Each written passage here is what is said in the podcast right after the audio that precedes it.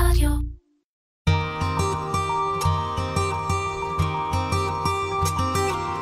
משפחה ותיקה.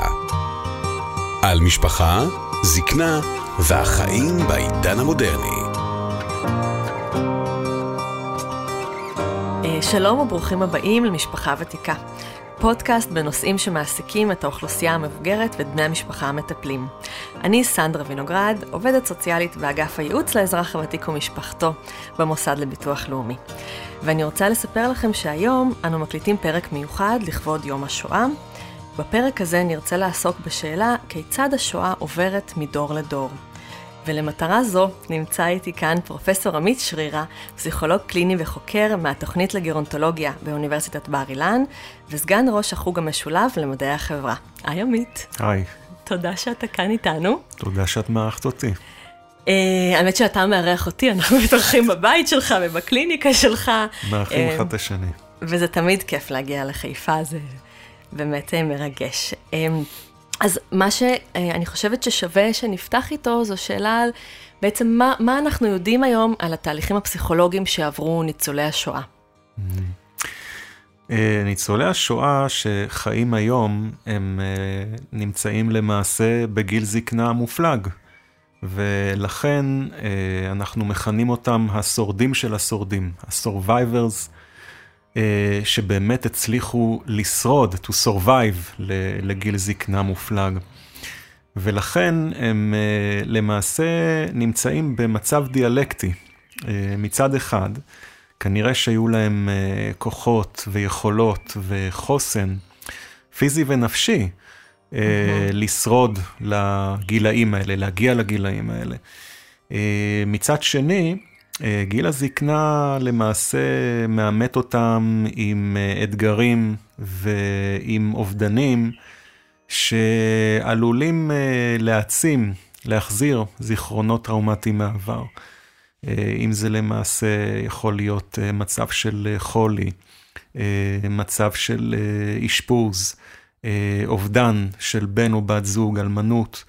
אה, כל המצבים האלה יכולים להחזיר אותם חזרה. להציף את הטראומה. להציף את הטראומה, זה תהליך שאנחנו קוראים לו רטראומטיזציה. הטראומה מוצפת מחדש.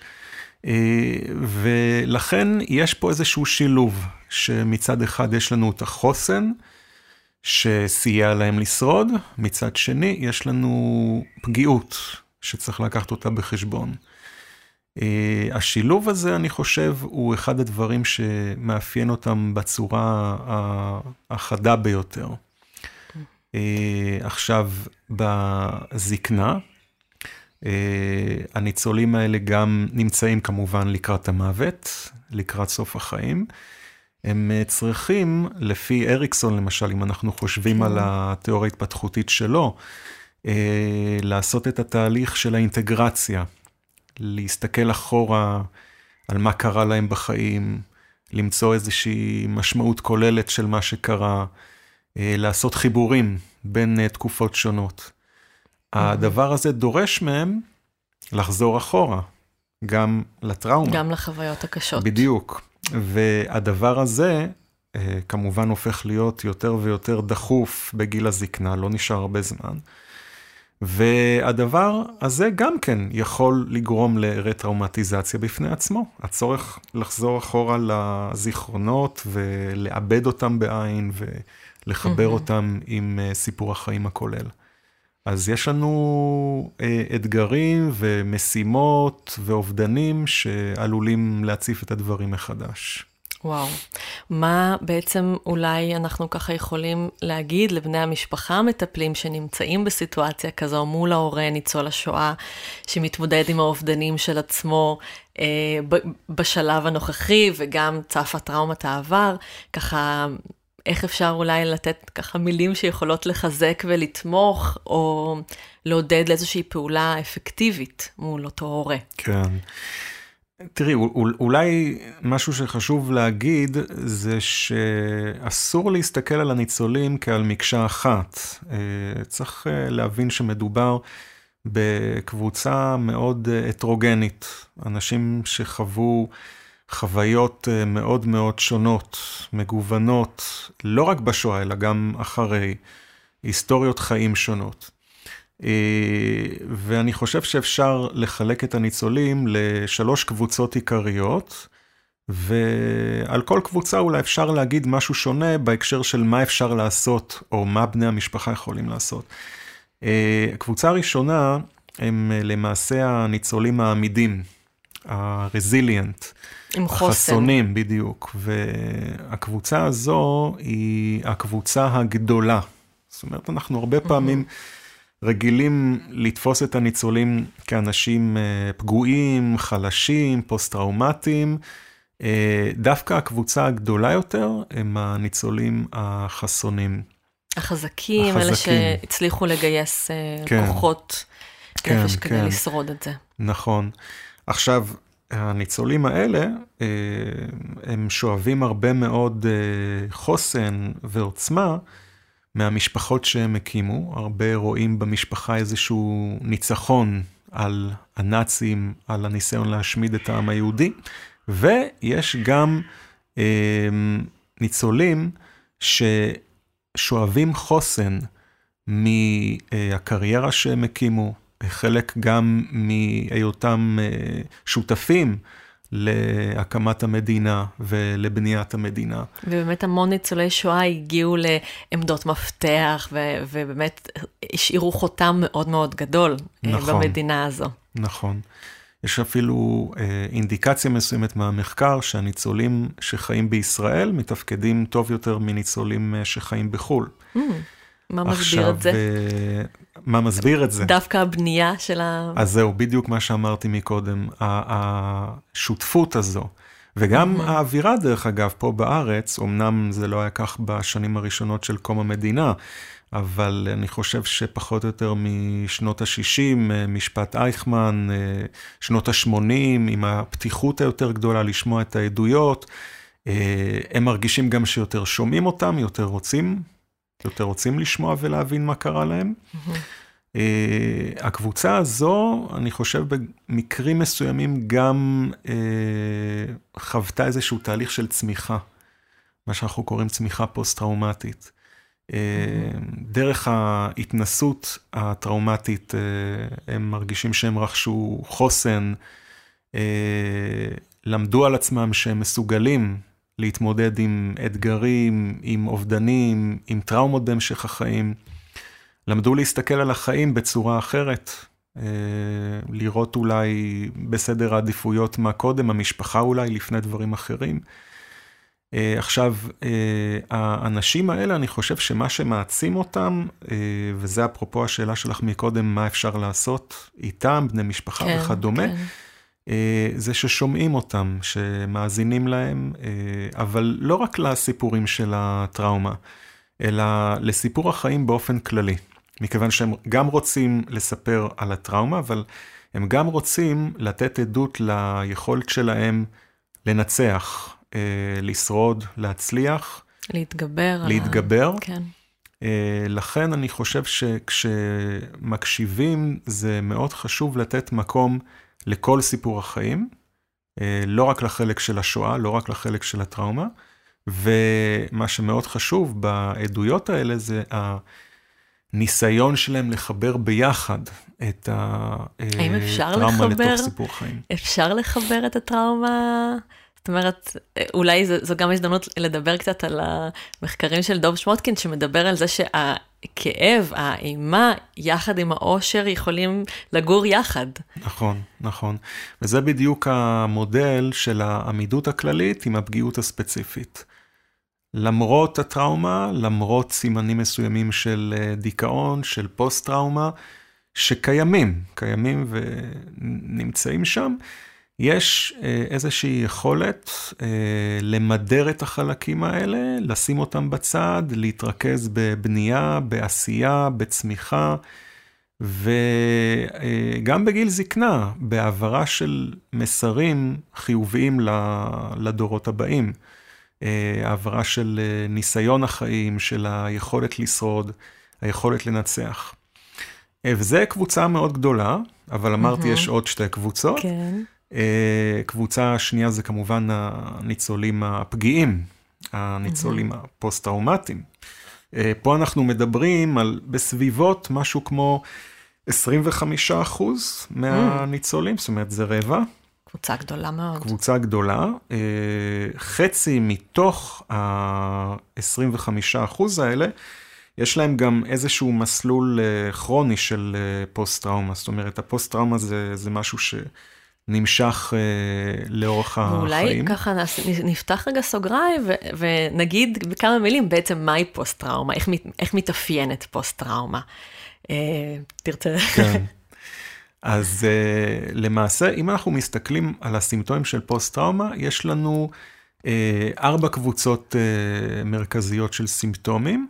קבוצה ראשונה הם uh, סימפטומים שאנחנו קוראים להם חוויה מחדש, uh, זה סיוטים בלילה, uh, זיכרונות פולשניים, חוויה של פלשבק, מישהו שממש חוזר חזרה וחווה את הטראומה כאילו היא מתרחשת עכשיו בהווה, הוא שומע קולות, הוא מריח ריחות, הוא ממש נמצא... שומע את הצעדים. כן, כן, הוא ממש, ממש כן. נמצא שם. אה, זה הקבוצה הראשונה, הקבוצה השנייה זה הימנעות, זאת אומרת איזושהי נטייה אה, לא לדבר, אה, לא לעסוק בזה, לא... הסתגרות כזו. הסתגרות, לא להגיע למקומות שבהם התרחשה הטראומה, לברוח מכל גירוי שמזכיר אותה. הקבוצה השלישית זה בעצם תפיסות שליליות של העצמי, של אחרים, של העולם. כל התפיסות האלה הופכות להיות שליליות וקודרות בעקבות הטראומה. והקבוצה הרביעית של הסימפטומים זה עוררות יתר, זאת אומרת נטייה, רגזנות, חוסר סבלנות. התפרצויות זעם, רגזנות, אה, תגובות של בהלה, אה, קשיי שינה. עכשיו, mm-hmm. אצל האנשים האלה שחווים את הפוסט-טראומה, יש כמובן קושי מאוד גדול להתייחס לעבר, לזיכרונות, ולמעשה אם חושבים על הסימפטומים, הסימפטומים הם בעצם ביטוי של הקושי לאבד בעין את הסיפור.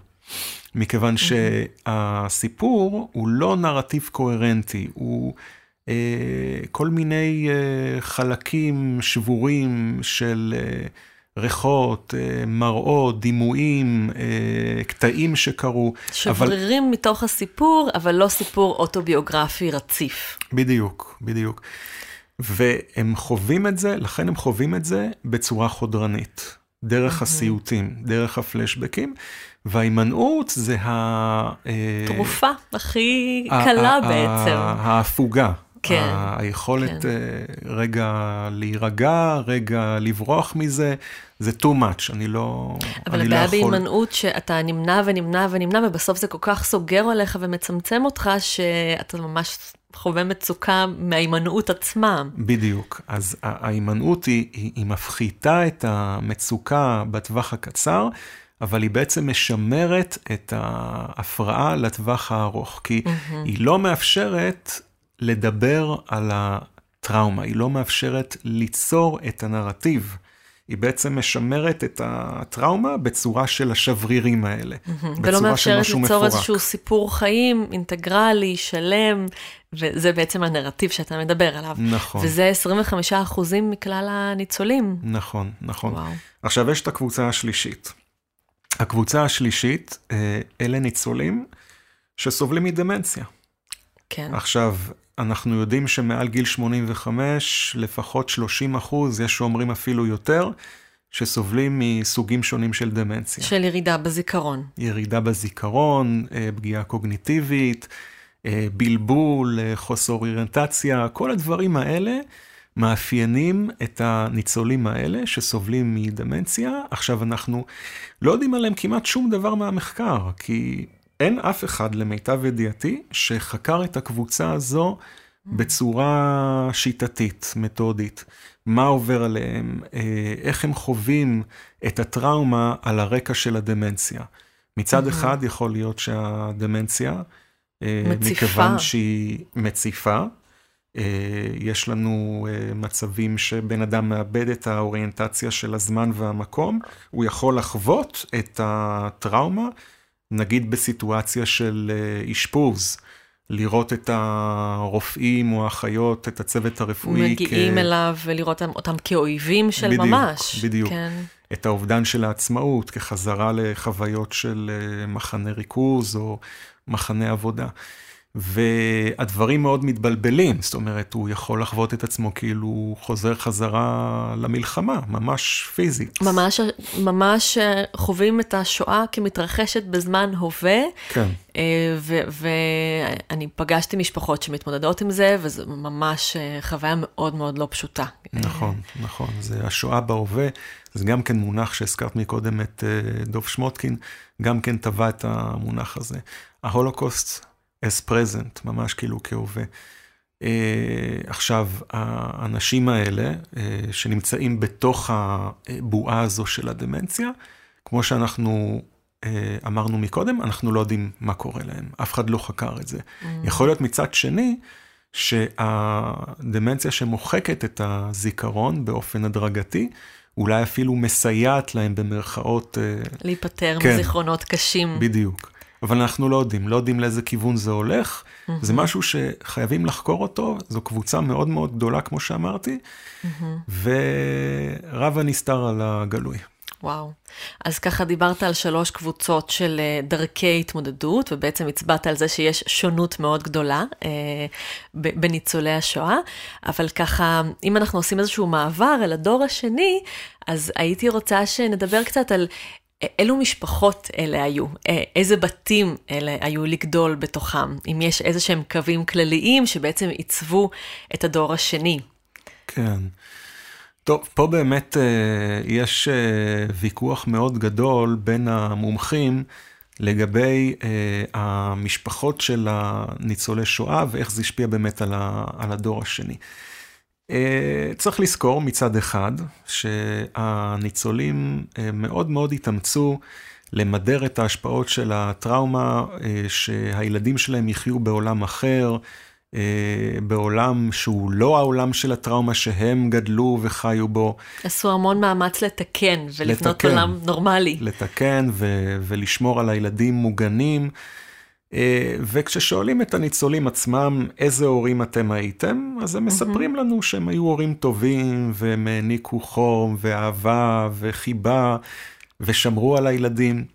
אבל כשאנחנו שואלים את הדור השני, את הילדים, אה, מבקשים מהם אה, לספר לנו, להיזכר, איזה, איזה הורים אתם זוכרים מהבית, אז אנחנו מגלים תמונה יותר מורכבת. Mm-hmm. אנחנו מגלים שבגדול יש אה, שני דפוסים של הורות שהדור השני מתייחס אליהם. דפוס אחד זה הילד ההורי, או היפוך תפקידים.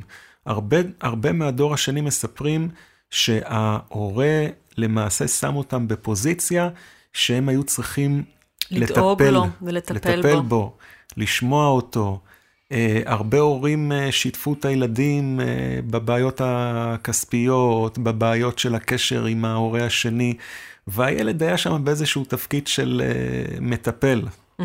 כן? הילד המטפל. כן, כן. אז היפוך תפקידים זה דבר אחד. ודבר השני שאנחנו רואים זה הגנת יתר. Uh, הילדים...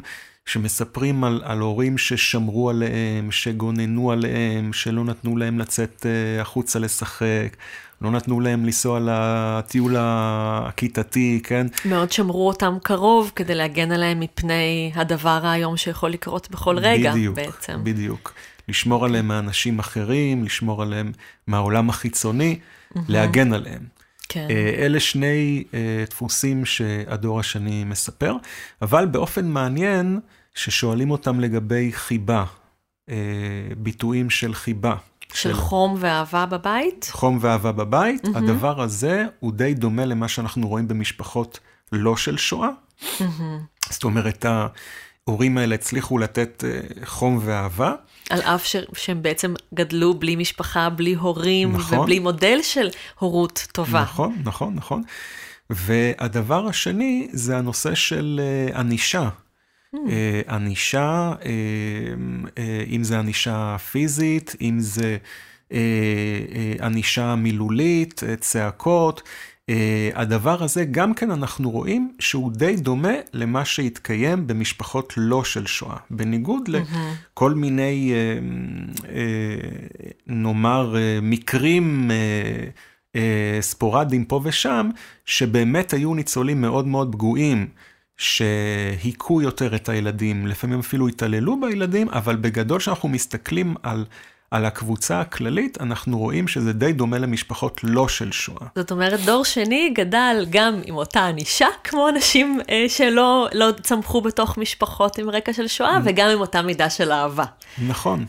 ו- ועוד דבר מעניין, זה שהמימד של האהבה והחום, זה המימד הבולט ביותר, החזק ביותר במשפחות האלה. Mm. זאת אומרת, אם אנחנו מסתכלים על הרמות של ההתנהגויות השונות, הרמה של החיבה והאהבה היא גבוהה יותר. וואו. מכל ההתנהגויות האחרות. אז כן, היו התנהגויות הוריות יוצאות דופן ייחודיות למשפחות של ניצולים, אבל זה בקצוות. זה, זה בקצוות, ו... והרוב הוא ממש... כן, כן, ו... והייתה להם יכולת uh, לתת את החום ואת האהבה, ולהגיד מילים טובות, ולחבק, ולנשק וכולי וכולי. וואו, uh, מדהים. זאת אומרת, גם אם היו תפיסות שאומרות שלגדול כדור שני בבית ליוצאי שואה, זו חוויה ככה מאוד שורטת אולי, אז אתה, אתה בא ואומר, אה, לא, גדלתם בדיוק כמו משפחות אחרות, אה, הענישו אתכם באותה מידה וגם אהבו אתכם באותה מידה, אז זה, זה גם אומר משהו על, על, על היכולת, אה, באמת, כמו שאמרת, דיברת על צמיחה פוסט-טראומטית, זה בעצם אנשים שסחבו על גבם חוויות כל כך קשות, אבל בכל זאת הצליחו להקים משפחות, שבמבחן רוחב אתה אומר, כמו משפחות רגילות ללא טראומה. אז אני אומרת, איזו גבורה גם זאת, להצליח... בדיוק. לעשות, לגדל משפחות אה, בסך הכל נורמטיביות. בדיוק. זאת אומרת, כשאנחנו מסתכלים במחקר ואנחנו משווים ניצולי שואה, דור שני, לקבוצות אחרות ממוצא אירופי שלא נחשפו באופן ישיר לשואה, אם אנחנו לא מוצאים הבדל, mm-hmm. מבחינתנו זה עדות לחוסן, להצלחה. כי למרות מה שהם עברו, אין הבדל. כן, הם הצליחו uh, לגדל את הילדים שלהם בצורה טובה דייה, מה שנקרא. בדיוק. אבל איך בכל זאת, כי באמת אנחנו כאן כדי לדבר על איך השואה עוברת מדור לדור, מה בכל זאת כן עובר? כי אנחנו יודעים שיש העברה בין דורית של השואה. אז נכון, מה כן עובר uh, נכון. מההורים אל הילדים? אוקיי, אז פה באמת אנחנו מדברים יותר על המשפחות של הניצולים הפגועים. הניצולים הפגועים, אותם ניצולים שסובלים מפוסט-טראומה, מ-PTSD, הניצולים האלה באמת אה, היו הורים שהיו יותר אה, מרוכזים בסבל של עצמם, בכאב הפנימי, הנפשי שלהם. והורה כזה אה, יכול להיות פחות אה, פנוי אה, לטפל בילד, אה, להיות קשוב לצרכים שלו. והורה כזה גם מתקשה לתת לילד להשתחרר, לתת לילד... אה, מרחב? מרחב, לתת לילד את העצמאות שלו. אה, אימא למשל, שצריכה לתת לתינוק, אה, להשתחרר ממנה בהדרגה ולהתחיל לסחול ולהכיר את העולם. וגם על ידי כך לגלות את העצמאות שלו עצמו, של התינוק. את הכוחות שלו. בדיוק, תהליך כן. שאנחנו מכירים בפסיכולוגיה של ספרציה אינדיבידואציה. היפ, היפרדות. כן. היפרדות ומציאת הזהות אה, כן. העצמית שלי. אז במשפחות האלה היה קושי לילד לעשות את התהליך הזה, כי ההורה בעצם החזיק אותו קרוב אליו. אז זה, זה דבר אחד, אלה תהליכים uh, ביחסים בין ההורים והילדים. הדבר השני זה שההורים האלה העבירו לילדים אה, דרך אה, חינוך, הנחות עולם, אה, תפיסות עולם, תיזהר מאנשים אחרים, mm-hmm. אל תיתן אמון. העולם הוא מקום מסוכן. של סכנות. או אפילו יש לי ככה, עולה לי בזיכרון אה, סיפור של מירי חנוך, אה, שסיפרה, אה, יש לה את הסרט פיצה באושוויץ, ובאמת היא סיפרה על זה שג... שכילדה היא כל הזמן שמעה את הצעדים של הגרמנים, שעוד רגע נכנסים בדלת, אה, כי היא גדלה מתוך התחושה שהאימה עוד רגע יכולה להתרחש. כן. וזה, אני מניחה שזו תחושה מאוד קשה נכון, לגדול בתוכה. נכון, נכון, ויש מלא סיפורים כאלה, ו... אנחנו מכירים המון דוגמאות, אה, גרוסמן עם ראה ערך אהבה ויהודה פוליקר עם האלבום שלו. הדימויים הם מאוד מאוד אה, אה, כואבים וחדים. וכן, זה היה בחלק מהמשפחות, אי אפשר, אי אפשר להתעלם מזה. אמרנו, הקשר בין ההורים והילדים, אמרנו חינוך, תקשורת, הדבר השלישי. אה, תקשורת על השואה, שהייתה יכולה להיות אה, אה, תקשורת מציפה, תקשורת לא מותאמת. של תקשור... לספר יותר מדי ולספר תכנים שלא מותאמים ל- ל- לילד רך נכון, בעצם. נכון, נכון, להציף אותו. מאוד יכול להיות שמקרים כאלה של פחד לשמוע את הצעדים של גרמנים שמגיעים, או מזוודה שתמיד צריכה להיות מוכנה mm-hmm. לבריחה.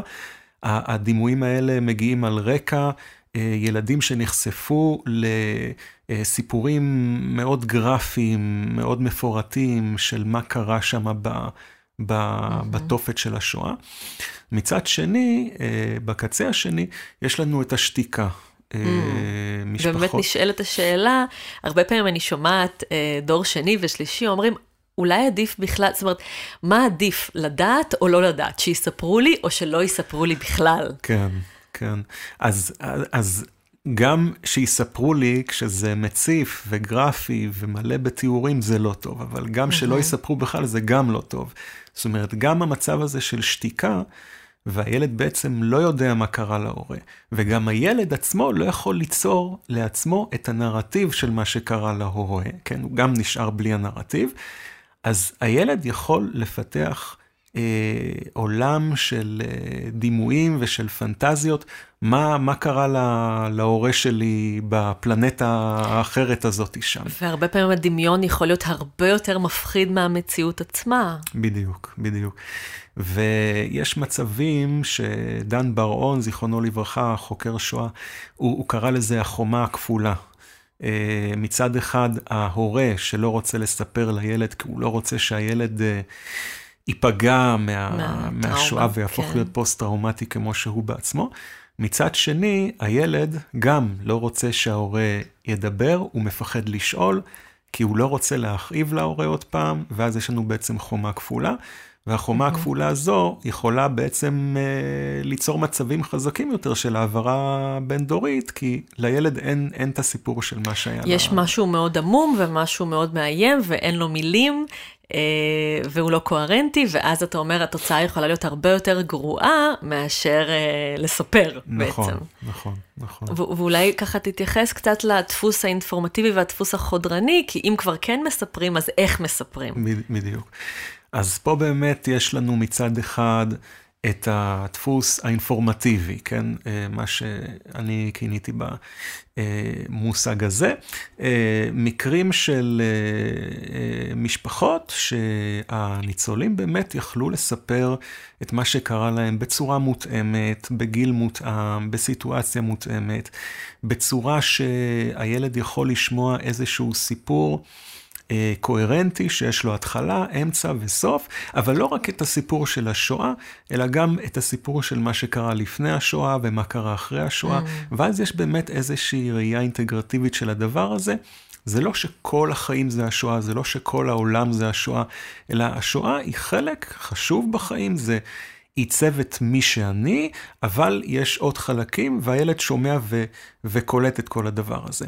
מצד שני, הדפוס החודרני, ששם באמת השואה אה, מסופרת בצורה לא מותאמת, בצורה מציפה, בצורה מפורטת, אה, ולפעמים גם בצורה עקיפה.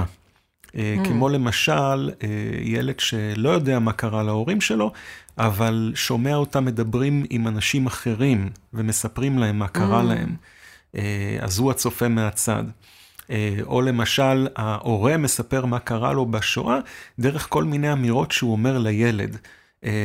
אתה...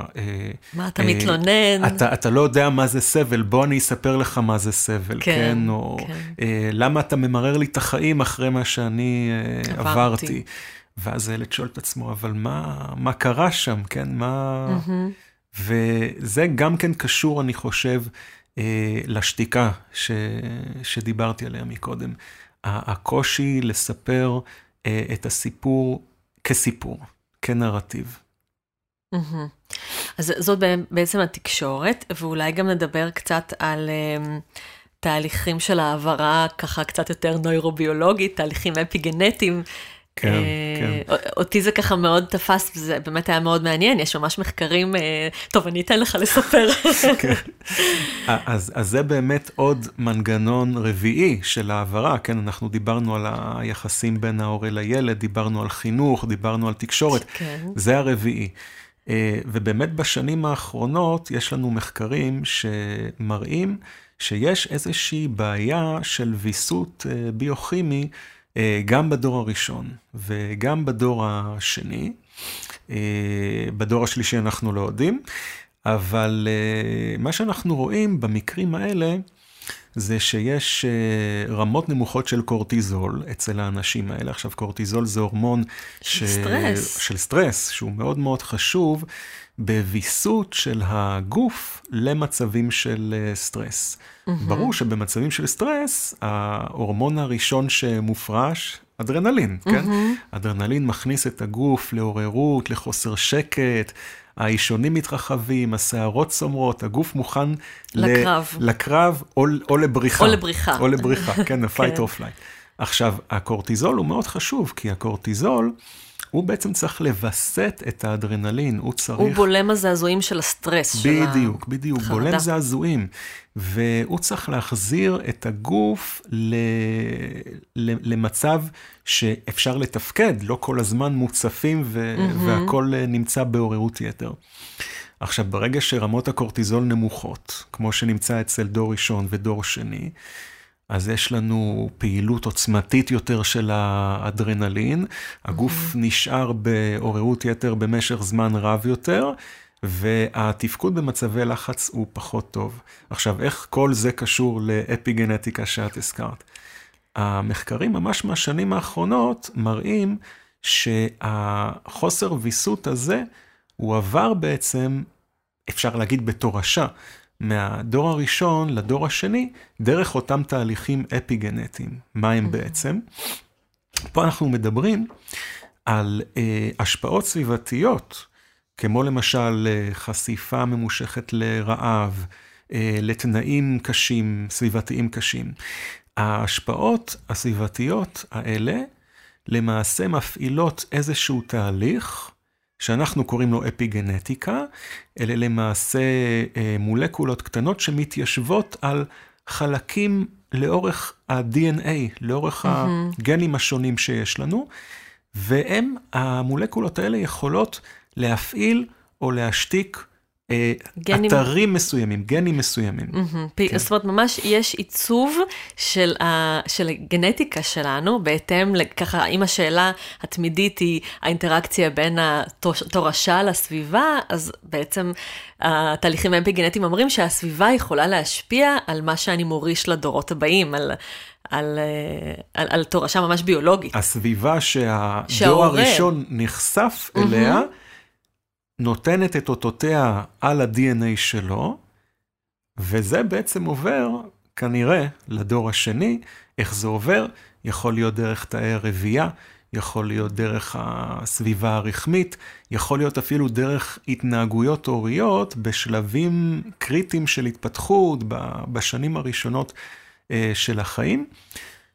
ואז מה שאנחנו רואים, אם אנחנו בודקים את האפיגנטיקה בדור השני, אנחנו רואים שיש למעשה השתקה או הפעלה, אה, השתקה או הפעלת יתר של אתרים מסוימים על פני ה-DNA, mm-hmm. והאתרים האלה קשורים לוויסות הביוכימי של הגוף במצבי לחץ. אהה, זאת אומרת, ככה אם אני אגיד את זה במילים פשוטות, אז יש איזושהי העברה בין-דורית של רגישות לחרדה אולי?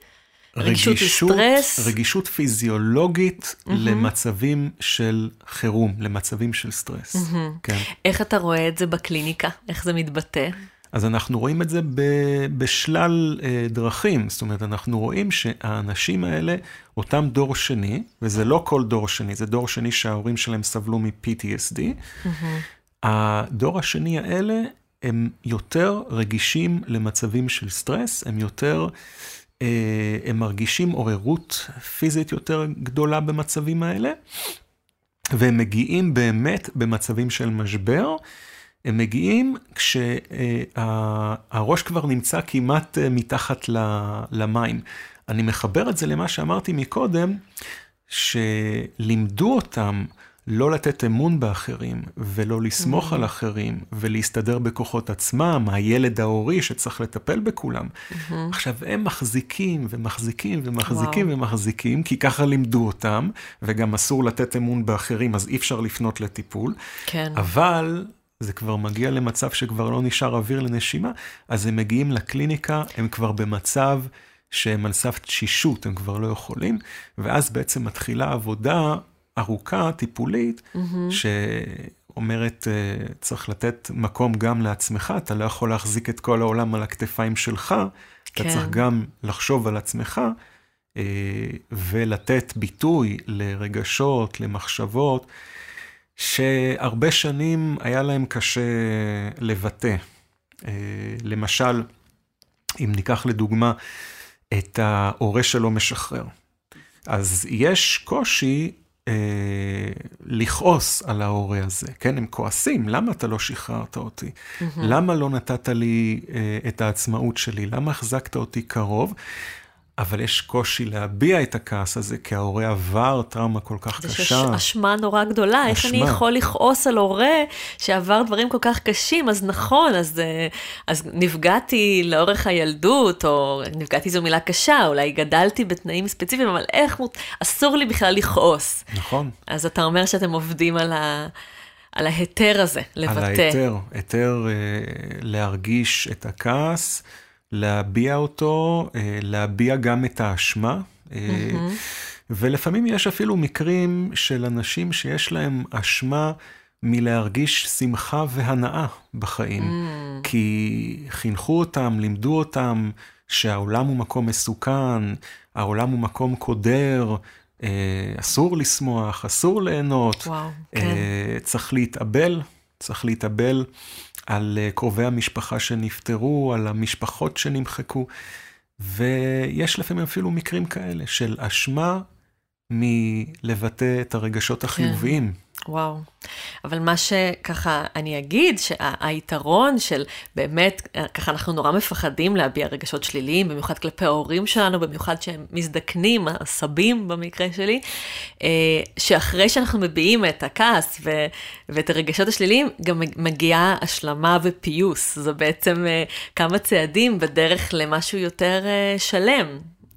לאיזושהי תחושה ככה שיותר קל לחיות איתה. נכון, נכון. אמ, אז, אז, אז באמת דיברנו על איך זה עובר לדור השני. אה, אתה רוצה שככה נגיד בכמה מילים על טראומטיזציה משנית? כן, טראומטיזציה משנית זה מתחבר להרבה דברים שדיברנו עד עכשיו. אה, זה למעשה מצבור של סימפטומים שהוא מאוד מאוד אה, דומה לסימפטומים של פוסט-טראומה, רק שפה הסימפטומים הם כתוצאה מטראומה שמישהו אחר עבר, במקרה שלנו ההורים. אה, וזה יכול להיות אה, זיכרונות, זה לא זיכרונות, כן, זה מחשבות על השואה, אה, סיוטי לילה על השואה, אנשים שמכניסים את עצמם לתוך, לתוך הסיטואציה של השואה ומדמיינים את עצמם או חולמים על עצמם במצבים שואתיים. הימנעות מלחשוב ולדבר על זה, ואנחנו רואים את זה גם בדור שני.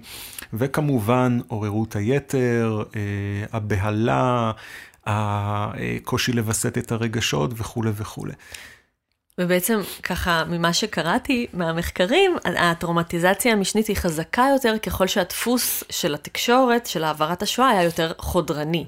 נכון. אה, ככל שהדברים היו יותר מציפים, יותר לא מאורגנים, אז ככה אה, לדור השני יש יותר טראומטיזציה משנית, שהיא גם מביאה למצבים פיזיים, נכון? לממש תחלואה פיזית. כן, אז, אז פה, באמת, פה, פה באמת אנחנו נכנסים כבר באמת לנושא הזה של מה, מה קורה לדור השני בזקנתם, כן? או, עכשיו, אוקיי. אנחנו מדברים אה, על אנשים שהם אה, בשנות ה-60, ה-70 לחיים שלהם, mm-hmm. מי שנולד בסוף שנות ה-40, תחילת שנות ה-50. אה, ובאמת השאלה הזו לא קיבלה מענה הרבה מאוד זמן, כי הם פשוט לא היו מבוגרים מספיק אה, בשביל למדוד את התחלואה. הם היו צעירים, ואף אחד לא חשב בעצם מה יקרה עם העברה של הטראומה במצב שהם כבר יתחילו להתמודד עם הזקנה של עצמם. נכון, נכון. עכשיו, אנחנו כן יודעים ממחקרים שעשו על אוכלוסיות שהן לא שואה. למשל, אמ, אימהות שהיו בהיריון בזמן מלחמת העולם השנייה במצור על לנינגרד, כן? Mm-hmm. מצור מאוד מאוד קשה שנמשך 900 אה, יום ומיליונים שמתו ברעב. או אימהות שהיו בהיריון בחורף הרעב בהולנד, גם כן סיטואציה מאוד מתמשכת של רעב ומחסור. ובדקו את הצאצאים של האימהות האלה עשורים אחרי ש... ש... שהם נולדו, ומצאו שהצאצאים האלה סובלים מתחלואה פיזית מוגברת, אה, לחץ דם גבוה, רמות גבוהות של אה, כולסטרול וסוכר בדם. סכרת, כן. והשמנת יתר. ואז כמובן, אה, אנחנו יודעים, הניצולים עצמם גם כן עברו חוויות של רעב ומחסור. איך זה משפיע על הבריאות הפיזית של הדור השני, במיוחד כשהם מגיעים לגיל הזקנה. Mm-hmm. עכשיו פה, במחקר שאנחנו עשינו, וזה היה סקר ארצי אה, דרך מדגם אשר, אה, שאנחנו פרסמנו את זה עוד ב-2010, אנחנו בדקנו פעם ראשונה דור שני בשנות ה-50 המאוחרות של החיים שלהם, והשווינו אותם לאנשים ממוצא אירופי שההורים שלהם לא עברו, לא, לא עברו את השואה. ברחו לפני השואה או, או עלו לישראל ממדינות אה, אחרות שלא היו תחת שלטון אה, נאצי, או לצורך העניין ברחו למזרח ברית המועצות לשעבר. ומצאנו שהדור השני מדווחים על אה, אחוזים גבוהים יותר של תחלואה, רמות של לחץ דם גבוה, כולסטרול, אה, בעיות שינה, שימוש בתרופות אה, רבות יותר, אה, וזה יכול להיות קשור לחוויות של רעב אצל האימא, או אימא שעדיין לא מצליחה להתגבר על הפוסט-טראומה כשהיא בהיריון, והדבר הזה משפיע על ההתפתחות של העובר בסביבה הרחמית. זאת אומרת, יש, זה אולי אנחנו חוזרים ככה לתהליכים האפיגנטיים, שיכול נכון. להיות ש, שהגוף, משהו בגוף, אה, התאים את עצמו למצב של רעב, ואז נולדו תינוקות שמותאמים לסביבה העוינת הזאת של היעדר מזון, ואז בדיוק. באמת כל הביולוגיה השתנתה. בדיוק, בדיוק, כי התהליכים האלה שבאמת יכול להיות... שהם באים לידי ביטוי באפיגנטיקה. למשל, אה, האימא שהיא עדיין חיה בעולם של מחסור ורעב, מעבירה מסרים דרך התהליכים האפיגנטיים האלה לעובר שמתפתח, תשים לב, אתה הולך mm-hmm. להיוולד לעולם של, של מחסור, לכן אתה צריך לאגור את השומנים ואת הסוכרים בדם כדי, כדי לשרוד. כדי לשרוד. כדי לשרוד, ואז כן. כשהתינוק נולד לעולם של שפע, אין בזה צורך וזה הופך להיות uh, תחלואה. בדיוק. וואו, אז, אז זה בעצם מה שמצאתם בתוך, uh, בתהליכים הבריאותיים אצל נכון, הדור השני. נכון. Uh, יש גם משהו סביב uh, שימוש לרעה, נכון? ששימוש לרעה בחומרים? כן, uh, כן. Uh, זה עוד היבט שבאמת יכול להיות קשור לנושא של הבריאות הפיזית. Uh, אנחנו יודעים שאצל אנשים שסובלים מפוסט-טראומה באופן כללי, לא רק ניצולי שואה, יש אה, שימוש רב יותר בחומרים ממכרים, אה, עישון, אה, אלכוהוליזם, ויש גם ירידה בהתנהגויות שמשמרות בריאות, כמו למשל פעילות פיזית, הימנעות מזה. למה אנשים עם פוסט-טראומה נוטים להתנהגויות האלה? מכיוון שזה עוזר להם לשכך את, ה, את הסבל. את הזיכרונות, להתמודד עם הסיוטים. סלף מדיקיישן. בדיוק. זאת אומרת, לטפל בעצמי דרך מה שאני מכיר. בדיוק, בדיוק, בדיוק. והמצב של ה-PTSD הרבה פעמים מגיע יחד עם דיכאון, אנחנו יודעים שזה 50 אחוז שיש להם גם וגם, וזה קשור מן הסתם לטיפול קלוקל בעצמי. האדם mm-hmm. שבדיכאון הוא פחות הולך לבדיקות, ל... לרופא, אה, פחות מקפיד על אה, תזונה נכונה, פחות mm-hmm. מקפיד על פעילות גופנית, יש מוטיבציה נמוכה. עכשיו, הדור השני, שחיים בבתים עם הורים כאלה, למעשה יש להם איזשהו רול מודל, איזשהו מודל של איך ההורה מתנהג, איך ההורה מתמודד עם הדברים. ואז גם ההתנהגויות האלה מועברות אליהם. בדיוק, כן. של לא לטפל בעצמי ולא לדאוג לעצמי, וככה קצת להזניח את הגוף, ו... נכון. אוקיי, אז, אז זה באמת על המצב הבריאותי של, ה, של הדור השני שמצאתם, ואתה גם אומר שגם, זאת אומרת, גם במצב הנפשי יש התייחסות לדיכאון, ויש גם איזושהי חרדה מוגברת, זה גם משהו ש... אתה עושה כן עם הראש. חרדות, חר, חרדות ו, וזה גם בהקשר של, ה, של ההתמודדות עם ההזדקנות, כן. החרדה מהזקנה והחרדה מהמוות, כן? אה, או אפשר לומר תפיסות אה, זקנה, הבנתי שעשיתם גם על זה פודקאסט, אה, התפיסות זקנה שליליות יותר. קודרות יותר לגבי מה צפוי לי בגיל זקנה. מדוע? מכיוון שאני מסתכל על ההורה שלי מזדקן, ואני רואה כמה קשה לו וכמה הוא סובל. אני מדבר על ההורים הפוסט-טראומטיים, כן? כן, כן. ואז אני אומר לעצמי, אוקיי, אז זה כנראה מה שמצפה לי, זה כנראה מה שצפוי. Mm-hmm. והתפיסות השליליות האלה הן גם דטרמיניסטיות, הן גם... זאת אומרת, הן מביאות את המציאות כפי שאני מדמיין שהיא תהיה. הנבואה שמגשימה, שמגשימה את, את עצמה, עצמה, בדיוק, כן. כן. כי אני אומר, טוב, הזקנה זה תקופה בחיים של אובדנים, של אה, בדידות. של, של אובדן שליטה של אובדן על הגוף שליטה, שלי. של uh, הידרדרות בריאותית, הידרדרות קוגניטיבית, אז אין, אין, אין, אין uh, מה להתמודד, אין מה לנסות לשנות את זה. זה, זה הגורל, כן? אנחנו נכנסים לתוך ה... התהליך הזה כאילו, כגורל. מצד אחד לא מטפלים בעצמם כדי לקדם בריאות, ומצד שני, התמונה היא כל כך מאיימת, אה, ובכל זאת הם לא, מטפ... לא מטפלים בעצמם. אה, נכון, נכון. ו- ואז זה מביא תוצאה, זאת אומרת, זה מביא זקנה הרבה יותר uh, קודרת וקשה, וזו נכון. באמת אולי הזדמנות להגיד שדווקא uh, בסיטואציות כאלה, uh, מאוד כדאי ל- לקבל עזרה, לקחת איזושהי שליטה, לנסות לקחת שליטה על הבריאות, על התנהגות בריאות, קצת פעילות גופנית, uh, קשר אנושי uh, תומך. אמ, כדי להגיע לגיל מבוגר אמ, ככה, עם, עם חוויה קצת יותר טובה ממה שההורים הפוסט-טראומטיים חוו. נכון, ו, וזה גם אה, מתקשר להתערבויות הטיפוליות שחשוב לעשות, כי אנחנו צריכים, גם לגבי דור ראשון וגם לגבי דור שני, אה, לחשוב על התערבויות טיפוליות במבט אה, רחב יותר. זאת אומרת, זה לא רק העניין של לאבד בעין את הטראומה, או את הקשר שלך עם ההורה, או את הזיכרונות, או את הסיוטים, אלא חשוב מאוד, גם בטיפול פסיכולוגי, לשים לב להיבטים בריאותיים, התנהגותיים, של הקפדה על שגרת חיים מאוזנת ונכונה ובריאה, עם פעילות גופנית והימנעות משימוש בחומרים אה, מזיקים, מכיוון שהאנשים האלה, הרבה פעמים, יש גם את הדבר הזה ברקע. Mm-hmm. ואם אני לא אתייחס לזה בטיפול, ואני כל הזמן אדבר רק על, אני כל הזמן אתמקד רק בפן הנפשי, התוך-אישי, אה, הדינמי, אתה מפספס המון אני דברים. אני מפספס המון דברים נכון. מאוד מאוד חשובים. נכון. ואני חושב שגם עוד אלמנט שחשוב להכניס לתוך טיפול, זה התפיסות האלה לגבי זקנה. זאת אומרת, זה גם, זה נושא שהרבה פעמים הוא בטאבו ואנשים לא רוצים לדבר עליו. אז בוא ככה נתקן טיפה את התפיסות של הזקנה. בוא, בוא נפתח את זה ונדבר על זה, ונבין שזקנה, כן, יש ירידה, יש הידרדרות, אבל יש גם דברים מסוימים שנשארים אה, מתפקדים יחסית ועובדים. מתפ... בצורה מתפקדת, אה, שמורים.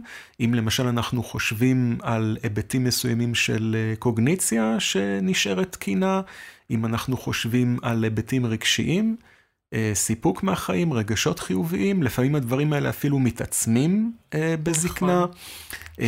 יש ניסיון חיים שאפשר להשתמש בו.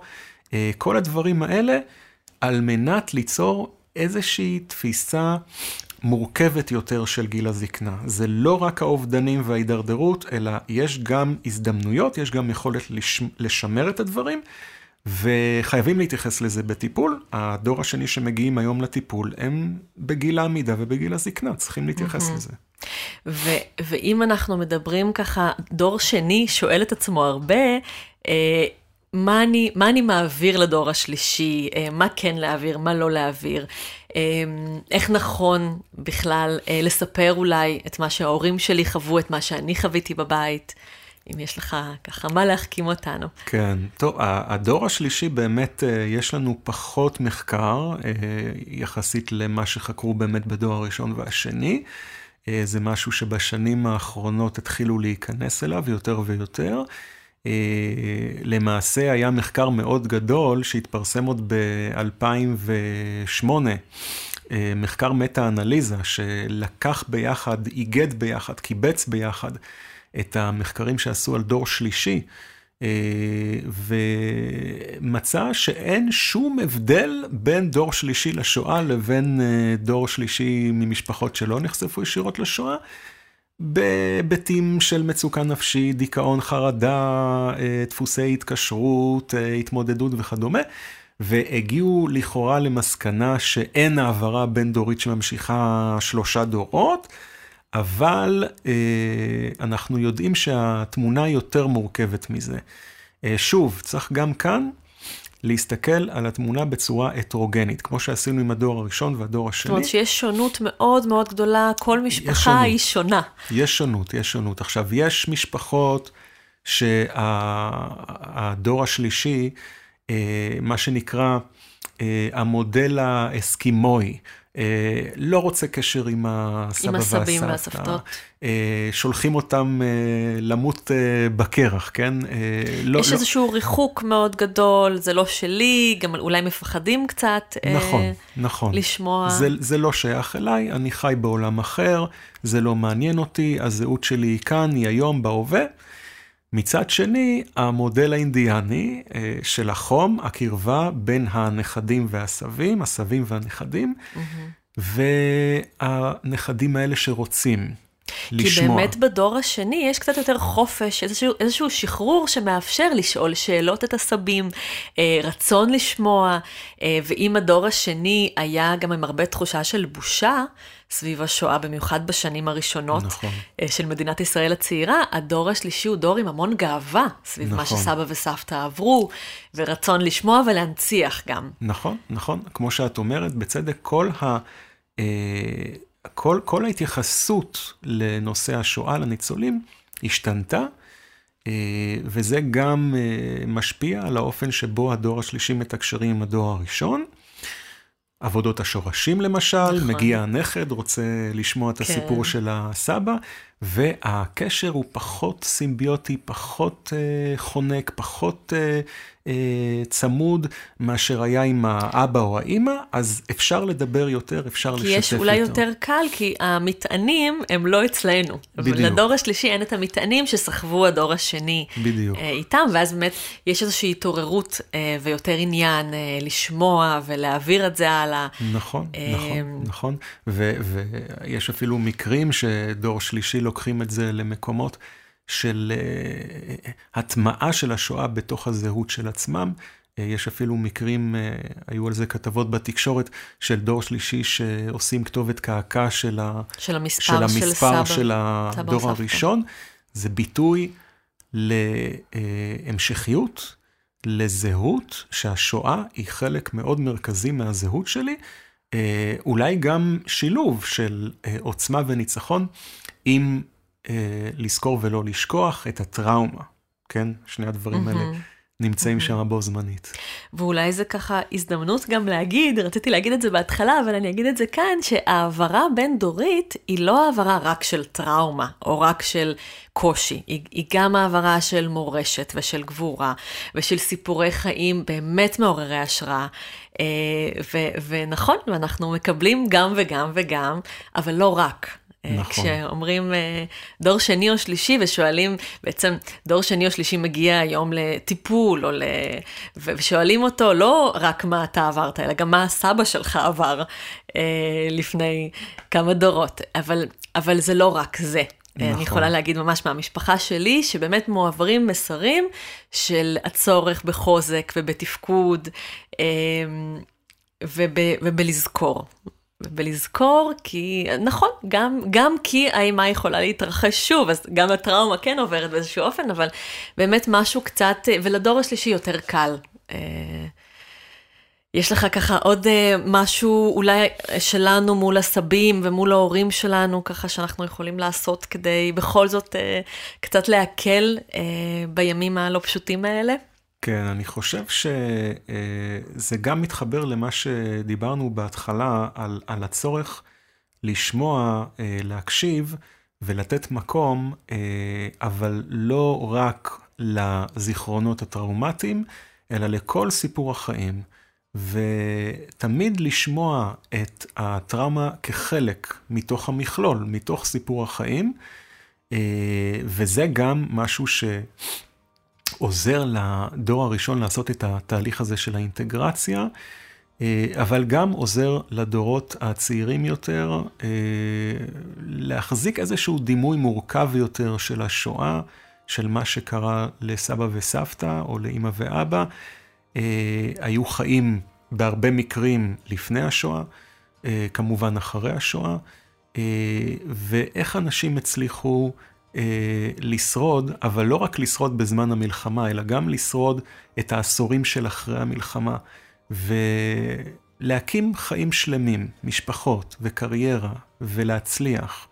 אה, כך שאפשר לומר שהסיפור הזה הוא סיפור שכמו שאת אמרת, הוא, הוא מחזיק בתוכו את הסבל ואת האובדן, אבל גם את הניצחון ואת ההצלחה ואת החוסן. הדברים האלה שזורים אחד בשני. וסיפור החיים השלם מאפשר להביע את המורכבות הזו. וואו, אז אני חושבת שבמילים האלה אנחנו אה, נסיים, ובאמת המון המון תודה לפרופסור עמית שרירה, שחלק איתנו את, ה, את הידע החשוב הזה אה, והמרגש. אה, אז עד כאן עוד פרק של משפחה ותיקה, נתראה בפרקים הבאים, תודה רבה.